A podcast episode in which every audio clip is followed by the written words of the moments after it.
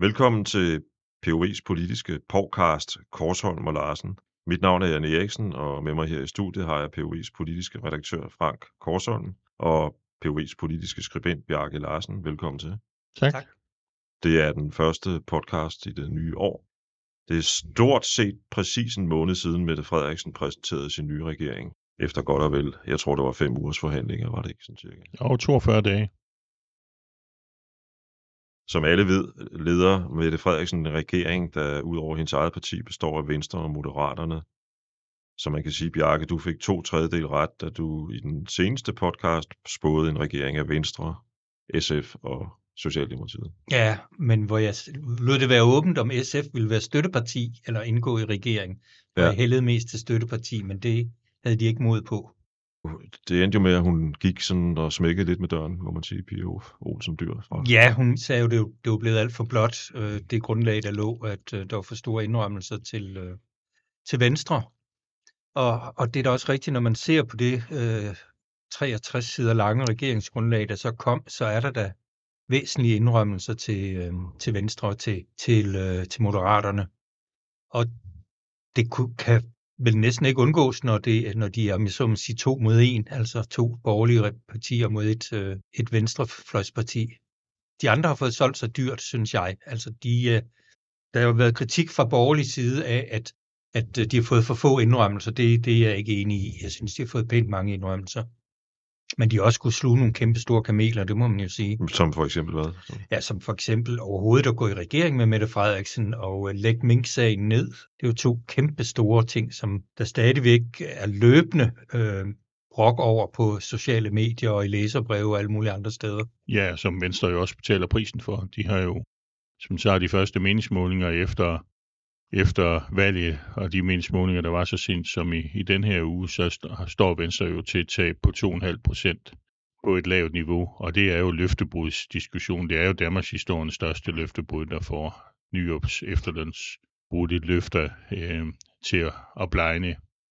Man kan godt undre sig over, at løftebrudsdiskussionen ikke fylder mere, end, end den gør, når man tænker på, øh, hvor meget man har blæst for eksempel Mette Frederiksens magtfuldkommenhed op, eller løftebruddet, da Nyrup i sin tid øh, øh, brød løftet om at bevare efterlønnen uændret. Ikke?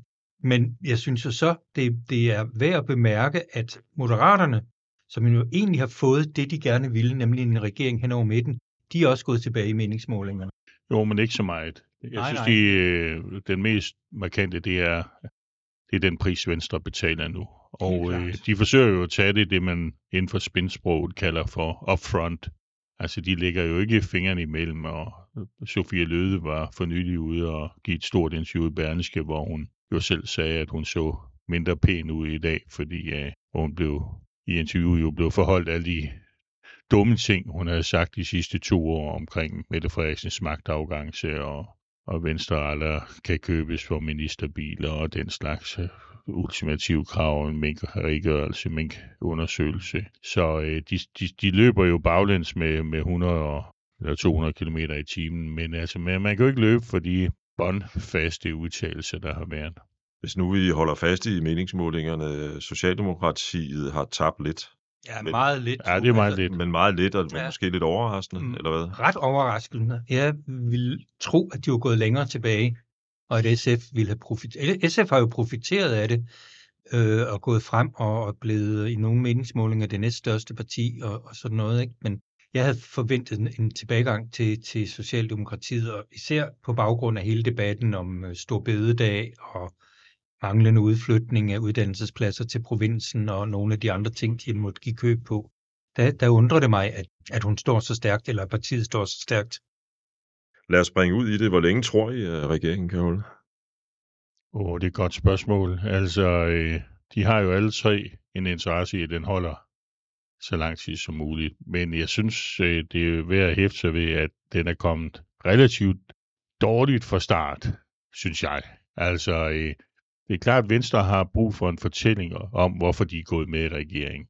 Altså har måttet bryde alle de her løfter. Og den, for, den fortælling er jo, at det er blå politik. Ja, det, er, det er en blå regering. Vi har fået så meget igennem, vi kunne dårligt sige nej til det.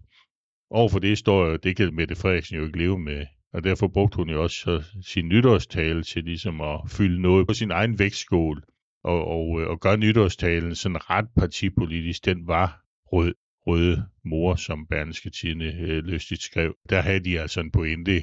Der var meget fokus på det sociale på Vesterbro på to Ditlevsens øh, øh, barndommens skade, øh, som man kun kan forbinde med, med altså, social armod. Hun skele ikke til sin regeringssamarbejde. Hun formåede ikke at dele ud af magten der. Det var en social, øh, demokratisk, egoistisk øh, tale. Og det har hun også, øh, hun har brug for ligesom at, at lægge noget på den anden vægtskål.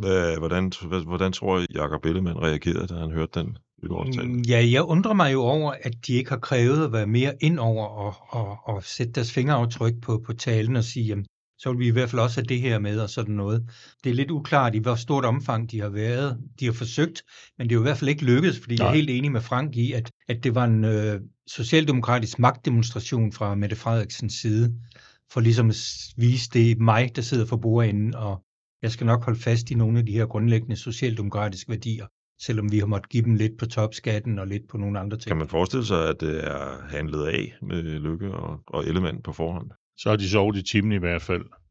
Men jeg tror faktisk, det er handlet af, men at øh, de bare ikke har haft noget at skulle have sagt, at hun har også haft brug for at trække tællingen lidt over på sin banehalvdel efter at Venstre har haft friløber for så vidt stadigvæk har. De har brug for den fortælling, for ellers så vil de dykke endnu mere i meningsmålingerne. De, de skal øh, vinde øh, fortællingen om regeringens politik, at den er overvejende blå.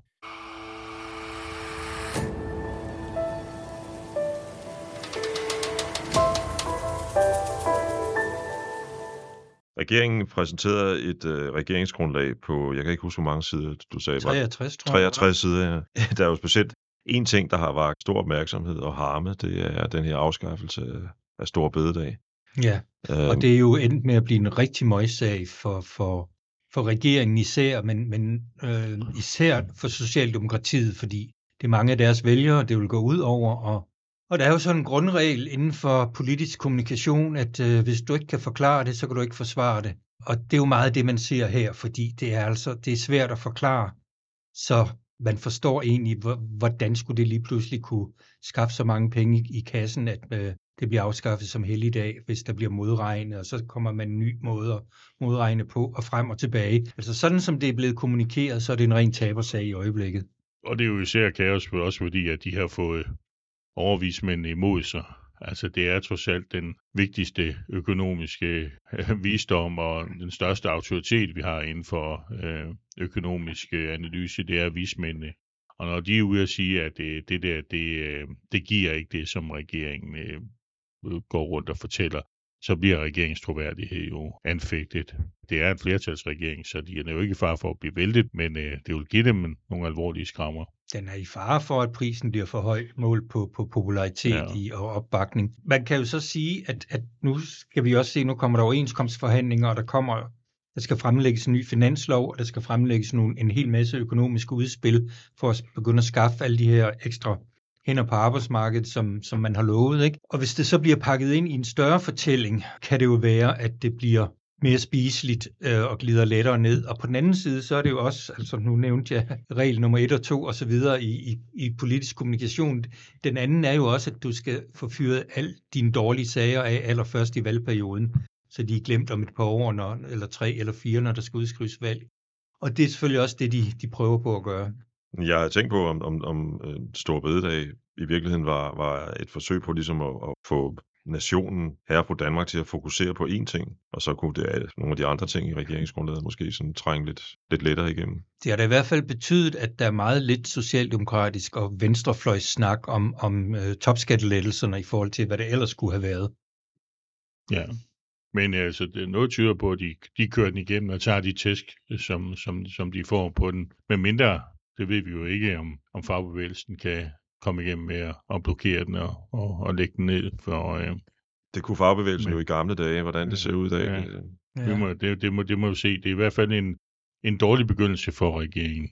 Nu snakker vi om regeringens start. Der er jo også andre sager. Altså Lars Løkke var jo også ude og, og lege statsminister her den anden dag, hvor han lovede, at alle Syrien børnene kunne komme hjem, men øh, det holdt jo kun i 24 timer inden inden statsministeren åbenbart har haft en alvorlig samtale med ham og sagt, at det er altså ikke regeringspolitik, det her. Om det bliver regeringspolitik, det, det ved vi ikke. Det er jo også det, Lars Stykke sagde. Det. Men det kommer til at gå hurtigt, der skal ske en afklaring. Men han, han svømmer jo også baglæns der med nogle store livtag. Så øh, det, det, det, de, skal finde, de skal finde hinanden i regeringen, og det, det har de altså ikke helt lykkes med øh, endnu. Ja, du rammer jo noget meget sådan, man, man kan sige, essentielt her, ikke? fordi det her er jo et, et, øh, et, et, et ægteskab bestående af tre personer, som, som, øh, eller tre partier, som er nyt, og de har ikke prøvet det før, og man kan sige, S og V, jo, de har prøvet det, men det er så mange år siden, der ikke rigtig er nogen i dag i Folketinget, der var med dengang. Så det er stadigvæk nyt for dem, og, og jeres vurdering er altså, at, at den der tillæringsproces, hvor vi skal lære hinanden hinanden at kende, og vi skal forstå holde hinanden i hånden og forstå hinanden osv., det går ikke så godt. Altså, hvad jeg hører fra de interne linjer, så har Venstre har jo fået Truls Lund Poulsen som økonomiminister, og han skal godkende alt. Han er en slags vice-finansminister. Så, så hvor Finansministeriet tidligere havde sådan var enrådige, altså efter statsministeriet, eller i hvert fald på niveau med statsministeriet, så har de nu fået en konkurrent. Altså tingene skal godkendes hos Truslund Poulsen, og det benytter han sig også af. Han, han er blevet en øh, obsternasi, og øh, han ser altså ikke med et, med et gummistempel og godkender alt, hvad der kommer fra Finansministeriet, tværtimod. Det er han jo heller ikke kendt for. Rent Nej. historisk han er jo kendt for at være en hård hund, og der er ret kynisk og, og ikke tager sig særlig meget af at skabe en dårlig stemning i rummet. Det er han ret øh, kølig over for. Ja hvis han kan få sine ting igennem. Men var så det der vil jo komme en masse slagsmål bag kulisserne her mellem mellem Vammen og, og Troels Lund Poulsen, ikke? Men var det ikke det, man vidste, man ville få? Jo. Jo, det har man jo vidst fra starten, at, at øh, risiko, det er, det er storm, storm, stormvejr og, og farfuldt farvand, man er på vej ind i, ikke? med mange underjordiske klippeskær, hvis vi skal blive i analogien. Ja, ikke? Ja. Øh, og, og du spurgte før, hvor længe regeringen holder. Det er fuldstændig urealistisk eller utroværdigt at, at komme med et realistisk bud på det, fordi der kan ske hvad som helst. Men de har jo også på den anden side været ærlige fra starten og sagt, at der er tale om et arbejdsfællesskab. Øh, og der skal man jo ligesom have skabt en, en, øh, en virksomhedskultur, om jeg så må sige. Ikke? Og det, det, er jo, det kan jo godt tage noget tid. Når, når store firmaer fusionerer, så gør man ret meget ud af at skabe den der fælles kultur. Har I indtryk af, ud fra jeres øh, kilder, at der er et eller andet arbejde i gang med det her i går? Jo, men du får aldrig lavet en fælles kultur mellem, mellem tre partier. Fælleskulturen skal ligge i, at man man ikke far for hurtigt frem med sin egen ting, at man afventer regeringen. Øh, men, men problemet er jo, at, at det er jo ikke ligeværdige partier. Hvis de var gået ind i regeringen som tre stærke partier, Socialdemokratiet og Moderaterne er stærke, men Venstre kommer jo ind som et vingeskudt parti og, øh, og bliver endnu mere vingeskudt og indtaget. Så de har jo brug for noget profil. De skal have forklaret deres eget bagland og de vælgere, de har tabt, at det her er altså for jeres skyld. Der kommer noget rigtig godt ud af det her. Og spørgsmålet er, hvor meget plads Mette Frederiksen vil give Venstre til den fortælling. Hun vil jo ikke selv bløde for, at Jakob Ellemann han ligesom kan øh, rette ryggen og, og, og, og skumme fløden ud af det her. Så øh, der, der er sorte skyer på himlen, men det er ikke, vi er ikke i et, i et stormvejr endnu. Ja, slet, slet ikke. Altså, det er vi langt fra. Men det er jo ikke, altså det er jo ikke, øh, det er jo ikke et, et ægteskab, der er født i kærlighed, om man så må sige. Det er jo et arrangeret ja. tvangsægteskab, fordi ingen af parterne kunne finde en mere attraktiv partner på, på det politiske ægteskabsmarked. Regeringen, tror jeg, den holder ikke længere end til det øjeblik, hvor en af parterne kan se noget mere attraktivt, tror på et alternativ. Øh, og det har jeg svært ved at se bliver de borgerlige forløbig. Det er mere sandsynligt, at der om et par år kan tegne sig øh, noget realistisk på, på centrum-venstrefløjen igen. Altså, de radikale kommer til fornuft, og man kan se, at man også kan lave et eller andet med, med enhedslisten, at de, øh, de er til at samarbejde med i et eller andet omfang. Og når det materialiserer sig, så, så skrider med det.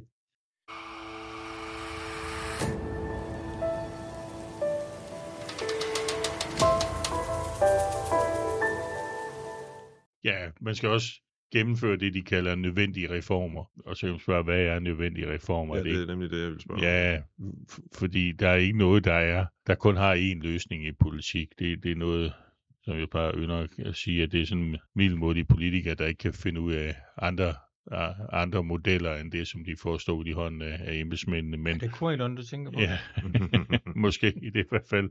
Ja. Ham, der sådan bærer det lidt frem. Men, men, men, men sandheden er jo, at, at den måde, som den offentlige sektor fungerer på i dag, er jo ikke, øh, det, det er ikke levedygtigt. Man har jo nogle lønstrukturer inden for det offentlige, hvor man på de områder, hvor man mangler arbejdskraft, og det er jo inden for sundhedsområdet, sygeplejersken for eksempel, ikke er i stand til at give dem, arbejdskraft, øh, give, give dem mere i løn på grund af, af, af strukturen, og det skal man jo, uanset hvilken regering man har, det skal man finde en løsning på. Så der har de tre partier et fælles projekt, fordi hvem der end kommer til at danne regering de næste 10 år, så vil man have det her som en, øh, ja, som et møllesten om, mm. om, om benene. Og, og, det, og det skal simpelthen det, dirkes op, det der, sådan at der kommer nogle markedsmekanismer inden for den offentlige mm. struktur og lønforhandlinger. Når du det, så... det der kan man ikke lave sammen med enhedslisten nej, overhovedet. Nej, nej, det vil vi ikke være med til.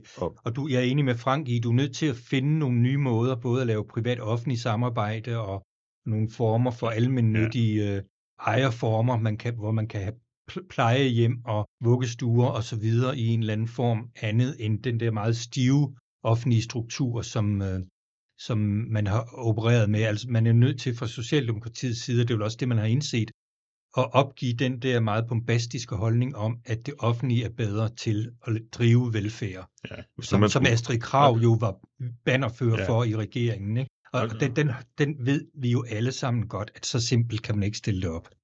Så man kan sige, at hvis man skulle give uh, Mette Frederiksen en lille kado, så er det, at hun rent faktisk har sat de her reformer helt op på toppen af, af sin to-do-liste. Ja, ja, i ja. hvert fald den der med, at vi skal ikke vi lever ikke i en velfærdsstat, vi skal, vel, vi skal vende os til en velfærd, et velfærdssamfund. Ikke? Ja, ja. Og det, det glemte hun jo så at nævne i sin nytårstale, fordi det har jo så været en indrømmelse i forhold til de blå partier. Men, men det er mm. det, der er. Mm det mener jeg, det er regeringens største projekt på sigt. Det med og en afbiokratisering af det offentlige. Hvis man, det er jo meget sjovt. Jeg, jeg sad her en af nytårsdagene og, og ryddede op i sådan en duslag, jeg har, hvor jeg smider alle mulige papirer og sådan noget ind. Og der kom jeg også så til en, øh, en artikel, hvor det hed, Kommissionen vil rydde op i by, offentlig byråkrati.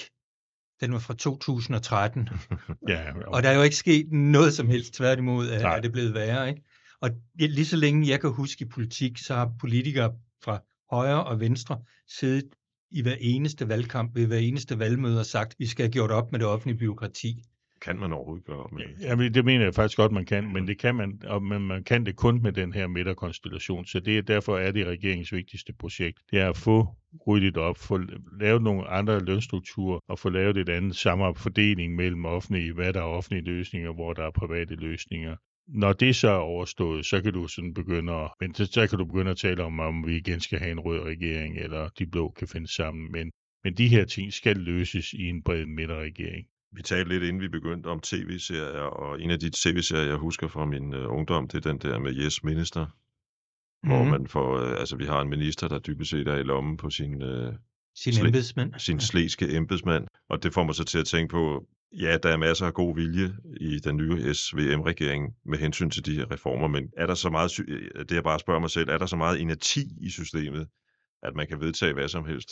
Det vil stadigvæk... Nej, nej, nej, det er, nej. Der, det, det er der bestemt ikke. Socialdemokratiet har jo også en grænse for, hvor, Altså, hvor blot det skal blive. Det er jo ikke sådan, de kan sælge ud af alle offentlige serviceydelser, også fordi, at, at der er noget, der hedder servicelov, og det offentlige skal kunne levere et eller andet, hvis, hvis de private øh, knækker nakken, altså går konkurs, og det er der masser af eksempler på, at øh, private velfærdsleverandører er gået konkurs. Så, øh, så, så der, er der, en, der, der er en grænse, men der skal være mulighed for, at, at man er mere fleksible omkring det, fordi der simpelthen ikke er hænder nok i den offentlige sektor til det og som du refererer til i, din, i en af dine artikler, det man, man kalder konkurrencestat. Ja, det er den, den offentlige, det er, at, at øh, de offentlige ydelser skal være konkurrencedygtige. Altså, man skal se på det som om, at man konkurrerer med den private sektor. Det de, de, de, de nytter ikke noget, at man har et marked, et offentligt marked, som er sat uden for de vilkår, de redskaber, der gælder på et privat marked. At der sker en prisdannelse for, hvad, hvad tingene de er værd.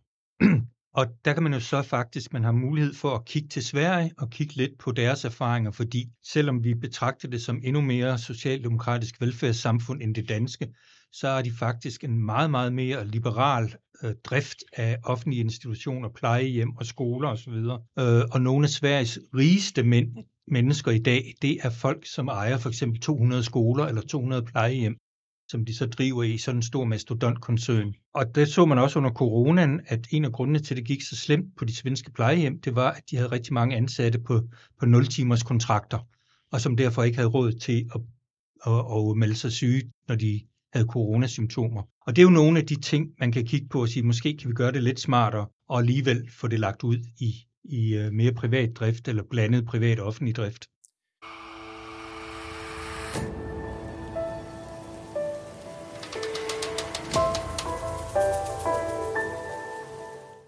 Lige til det aller sidste var det jo øh, meget tæt på, at de radikale kom med i regeringen. Altså jeg har jo læst, at, at, øh, at øh, hvad hedder han, Martin Lidegaard har forladt forhandlingerne med ordene, nu gør vi det.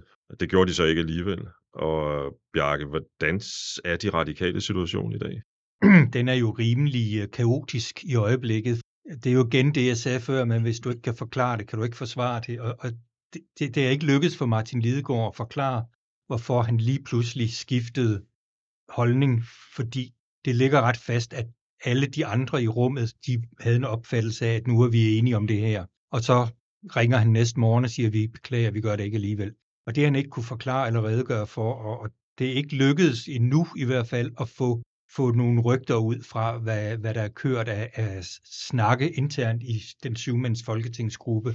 Om det er intern pres fra den der generation af yngre kvinder med Senja Stampe og Samir Narva i spidsen, som har presset ham og sagt, det går vi ikke med til, eller om han simpelthen har været sådan som øh, Christian den anden fra historien, der, der sejlede frem og tilbage over Lillebælt hele natten og ikke kunne beslutte sig for, om han skulle flygte eller angribe. Ikke? Øh, det, det er jo lidt den samme metafor, og, og, og det tror jeg kom bag på rigtig mange mennesker, fordi han var kendt som en dygtig udenrigsminister, og i den periode, hvor han gik ud af Folketinget, så opbyggede han jo øh, miljø-NGO'en Concito, som er blevet sådan øh, dagsordensættende grøn ja, tænketank. Ikke? Det er noget, man, man... Så han har jo haft ry på at være skide dygtig og handlekraftig, og så der er ingen, der kan forstå rigtigt, hvad, hvad det egentlig er, der skete. Og partiet er jo åbenlyst splittet. Der kommer jo øh, læserbreve og debatindlæg, og snakken går øh, i alle radikale kredse med, med nogen er for og nogen er imod den her beslutning. Så, så øh, der ligger et meget stort afklaringsarbejde for, for dem her det næste halvårs tid. Altså jeg hørte et rygte, det kan Bjarke så bede eller afkræfte, hvis han, hvis han ved noget om det, at, at det som blev dråben, eller det, der fik dem til at trække sig, efter at Martin Lidegaard sådan set havde sagt, at vi har en aftale, det skulle være, at radikale ønskede at indkalde supplanter, fordi man ønskede den gamle Stenbær, meget afholdt øh, tidligere ordfører og øh, ung, et ung talent, som ikke blev genvalgt. Man ønsker at få ham tilbage til at håndtere gruppen, og nu Martin Lidegaard og, og en eller to andre af de radikale kendte navne skulle ind og være minister. Skulle fokusere på det. Ja, ja men at det have, skulle mm. Lars Løkke Rasmussen have modsat sig. Nej, nu stopper festen. Mm. Der bliver ikke tale om indkaldt supplanter. Ja, det øhm, rygte har jeg også hørt, at, og, at man jo faktisk også fra radikal side øh, ikke var tilfreds med to ja. ministerposter, man vil have tre, og man har lov til at indkalde supplanterne. Ja. Øh, og så satte Lykke foden ned øh, og sagde, nej, nu stopper festen. Det, det er simpelthen for meget det her. Fordi de andre partier er jo mod den regel med at indkalde supplanter og sådan noget, okay. øh, som jo er en regel, som kommer de, de små partier til gode, når de går i regering. Jeg synes, det, er en, det var en taktisk fejl fra Lykkes side, fordi de ville stå meget stærkere med de radikale ombord. Fordi de radikales håb, øh, og håb er jo ikke en strategi, som øh, Barbara Bertelsen sagde, men, men de radikales håb, det er jo, at der er nogen fra Moderaterne, der smutter, så den regering mister sit flertal, og de radikale så kan tilbyde sig at sige, jamen nu vil vi godt, men øh, vi er lige tilfældigvis blevet lidt dyrere, prisen er blevet højere, ikke? Men ellers så, så, så er de jo forholdsvis uinteressante, fordi regeringen kan lave, lave lidt bredere flertal, hvis de har brug for mere end lige de der 89-90 mandater så kan de gå rigtig mange steder hen og få bare et eller to småpartier med sig, så de har jo et, på den måde, på den måde til selvbord. Hvordan, hvordan ser det ud i oppositionen, hvis vi tager den blå opposition først? Det mest aktuelle er vel, at Værmund har sagt, at hun forlader Nye Borgerlige. Ja, det kom jo meget overraskende, bortset fra, at det burde det ikke have været så overraskende. Hun har luftet øh, tanken tidligere, men, men øh, det efterlader i hvert fald nye borgerlige i en, i en meget, meget vanskelig situation. Vi skal ikke skrive øh, nødvendigvis øh, deres nekrolog lige nu, fordi de har jo trods alt øh, den tid, der er frem til næste valg Men Nye Borgerlige har været identisk med Pernille Vermund. Og de to navne, der er i spil, dels øh, Lars Bøge Mathisen og, og så en ung fyr, Mikkel Bjørn, som blev valgt, og også er blevet næstformand. Han er kun 27 år. Det er svært at se for sig, at de skal kunne løfte partiet og øh, også kunne sikre partiets øh, genvalg ved næste valg. Man skal huske på, at Inger Støjberg er kommet ind, og hun fylder altså rigtig meget ud på højrefløjen, og hun, hun skal nok også komme til at fylde mere, og så er der vel heller ikke rigtig plads til tre højrefløjspartier i, i mm. Danmark. Nye Borgerlige, udover at, at Vermund jo ligesom har været den alt dominerende frontfigur udadtil, så har de jo også indbygget i partiet to forskellige strømninger. Altså de har en meget, meget øh, nationalkonservativ strømning, som står benhårdt på den strammest mulige udlændingepolitik, og så har de en mere ultraliberal strømning, som ligger tættere på, på liberale alliancer, som Lars Bøje for eksempel repræsenterer på, på en række områder. Ikke? Så de skal også igennem en ideologisk debat om, hvor de placerer sig, og alt efter hvor de placerer sig, så kan det være, at der er nogen fra den tabende fløj, som smutter til nogle mere attraktive partier. De har jo mistet en, Mette Thiesen, efter at der der begyndte, ja, valgfisk. Hvor, der begyndte at ligne et reality-show. Ja, ja det ja, gjorde det, ja. hvor det, hvor det kom til håndgemæng, og, øh, og det, det, er, det er et dårligt tegn. De har mistet mange, også øh, kommunalpolitikere har de også mistet en del af. Københavns øh, Kommune er de nu heller ikke repræsenteret mere, så øh, det er en svær skude at vinde, uden Pernille Vermund ved, ved roret.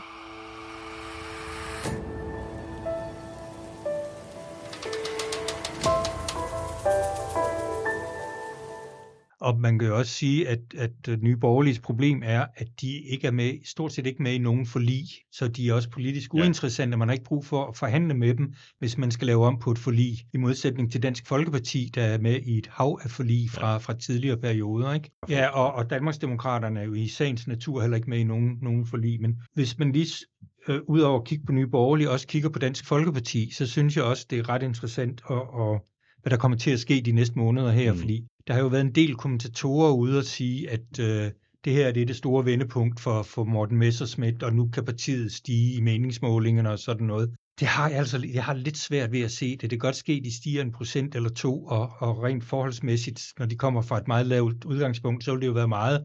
Men jeg tror ikke, de øh, kommer bare i nærheden af, af, af 10 procent igen. Det kan, det kan jeg slet ikke se Ej, for mig. det er svært at se. Og Morten Messerschmidt har været folk at forføre en gang, og også ja. gjort det godt. Ja. Men øh, og han er frikendt nu her ved byretten, og der kommer ingen anke, men i befolkningsøjne, så er det et spørgsmål om, hvor frikendt han alligevel er.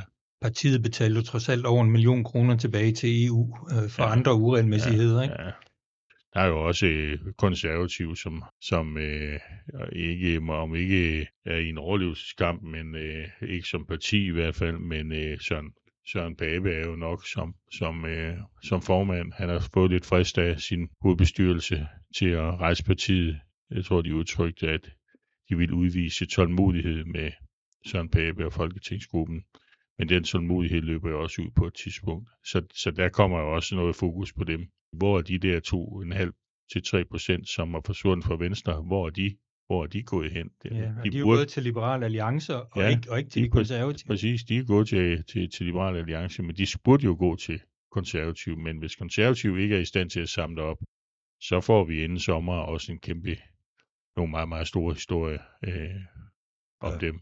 Men man kan jo sige, at, at for alle, for den borgerlige opposition, de får et svært forår, tror jeg, fordi der kommer enormt meget fokus på tiltrædelsesinterviews fra ministre og så kommer der øh, en ny finanslov, revideret finanslov, der kommer et lovkatalog fra den nye regering, der kommer en økonomisk plan, og så kommer der overenskomstforhandlinger, som under alle omstændigheder vil, vil larme virkelig meget. Om ja. så får en stor konflikt eller ej, det, det er umuligt at sige, men det kommer til at larme rigtig meget.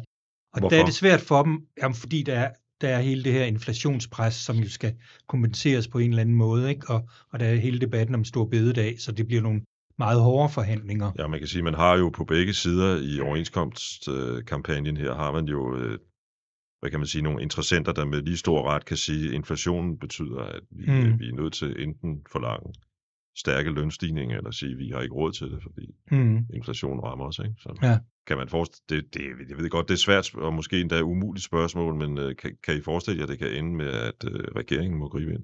Det er sket nogle ja, gange. Ikke, jamen, det skal man ikke udelukke. Det, det, det vil jeg bestemt heller ikke udelukke. Jeg vil måske sige, det er lidt over 50 procent. Det er mere sandsynligt, at de bliver nødt til at gribe ind, end at det finder en fredelig løsning. Man skal jo heller ikke glemme, at staten er, og kommunerne er jo arbejdsgiver, og regionerne også, for øh, rigtig mange mennesker. Mm. Altså, det er en meget stor del af LO-området, er jo i virkeligheden, mm. at Mette Frederiksen jo i en eller anden forstand, ja. øh, hvad hedder man, skal man kalde det, chef eller arbejdsgiver mm. for. Ikke? Så. Mm. Og det eneste, hun kan glæde sig over, det er, at overenskomstforhandlingerne ligger i starten af regeringsperioden så de kan være glemt om et par år, eller i hvert fald skubbet ja. i baggrunden. For, for næsten lige meget, hvad der sker, så er det ikke noget, hun bliver populær på. Vi mangler måske så lige øh, venstrefløjen, altså den venstre side af salen, og opposition, når vi snakker opposition. Øh, enhedslisten var meget hurtigt ude at sige, at nu vil de støtte øh, Pia Olsen Dyr som statsminister. Ja, og det blev så også helt ned ad brættet af Pia Olsen Dyr. Ja, det gjorde men, det nemlig. Men altså, øh, enhed, enhedslisten, de, de er klart gået i total opposition, og de er gået ind i sådan en stemmemaksimerende strategi, ikke? Hvor, hvor de øh, kritiserer og øh, skælder ud næsten lige meget, hvad der kommer fra regeringen, for at samle den store utilfredshed op fra, fra, fra, fra utilfredse socialdemokrater og, og folk, der synes, at SF er for, for pæne og stille. Hvor meget de får ud af det, det må vi jo se. Lidt skal de nok få ud af det, men, men øh, det er også et eller andet med, at nu har de fået Pelle Dragsted ind, og han er jo en enorm billetsælger. Ja. er nok den, den største stjerne på venstrefløjen i øjeblikket. Og, og det er jo rigtig godt, fordi jeg synes ikke, at Maj Villadsen har, har brændt igennem på samme måde som Pernille Skipper og, og før hende Johannes Schmidt Nielsen gjorde. Nej. Det, det, er, det er en god pointe. Men han, han, er, han er en af de skarpeste på Christiansborg. Altid øh, velargumenterende og, øh, og, og skarp i replikken. De fik jo et dårligt valg. Jeg kan ikke dårligt huske, om de gik en eller en, tror jeg. Ja. En procent tilbage. Ja. SF fik jo et godt valg, men heller ikke så godt, som de havde regnet med. Som de men de ligger, jo, de ligger jo meget, meget øh, rigtig godt her i meningsmålingerne. Man, man skal jo skære nogle kanter. Man skal jo masse frem. Man får ikke noget for ærende i politik. Og det er den bane, som enhedslisten de nu skal finde det mener jeg også, der er gode muligheder for. Nu har vi bare hele diskussionen omkring Syriens børn. Den er jo som født til og, og skabt til, at enhedslisten kan få en kan komme tilbage på banen. Med. Ja, der er opstået en lille sprække i regeringssamarbejdet der, som du var inde på. Ja, ja. Og det er jo også en sag, hvor det, hvor det undrer mig, at øh, Socialdemokratiet og Venstre står så hårdt på det, fordi jeg, øh, har en, jeg, har, jeg synes argumentet om, at danske statsborgere og danske statsborgere, uanset hvad, må vægte meget hårdt, og da det, man hentede halvdel, man hentede først den første halvdel af Syriens børnene hjem, det udløste jo ikke øh, nogen skred i meningsmålinger eller øh, en, et, et dramaskrig om, om, at nu er det en total afslap øh, udlændingepolitik og så videre. Ikke? Altså de der 3-4 møder, det handler om, de vil jo ryge direkte i spjældet og, og få en 3-4-5 års fængsel. Jeg synes, det, det er en øh, kamp, man skal, man skal droppe, fordi øh, man vinder ikke noget på at stå så hårdt på det. Hvis man skal tage de dårlige sager i starten af en regeringsperiode, så, så, er, der, så er chancen der for at tage det lille skrald, som der, der i givet fald vil, vil, vil komme. Men jeg kan heller ikke se, hvem der skal udnytte den situation. Altså Nye Borgerlige er ikke i en position, hvor de kan hvor de kan lukrere på det. Og Messerschmidt er jo også dårlig nok, så, øh, så er der selvfølgelig ingen Støjbær, og øh, hun, hun vil kunne, hun vil kunne øh, være en sten i skoen for regeringen. Der, der er ikke rigtig nogen fløje, der kan vinde noget på en, en skarp udlændingepolitik længere fordi man har fået de vælgere, man kunne få hver især. Og så længe situationen er så stille og rolig, som den relativt set er med flygtningestrøm fra, fra, fra Afrika og Mellemøsten, så sker der ikke noget. Det tror jeg ikke. Så skal der, der skal en ny kæmpe flygtningestrøm til, at, at Erdogan åbner for, for, for sluserne for de der 4 millioner syrier, der, der er på, på tyrkisk jord, og giver dem lov til at komme til Europa. Så vil den jo komme op i toppen igen men der skal et eller andet dramatisk til ja, uh, ja. i den stil. Jamen, øh, med de ord, så tror jeg bare, at jeg vil sige tak, fordi I endnu en gang ville komme ind til POV's lille studie og tale om dansk politik. Du er altid velkommen. Selv tak.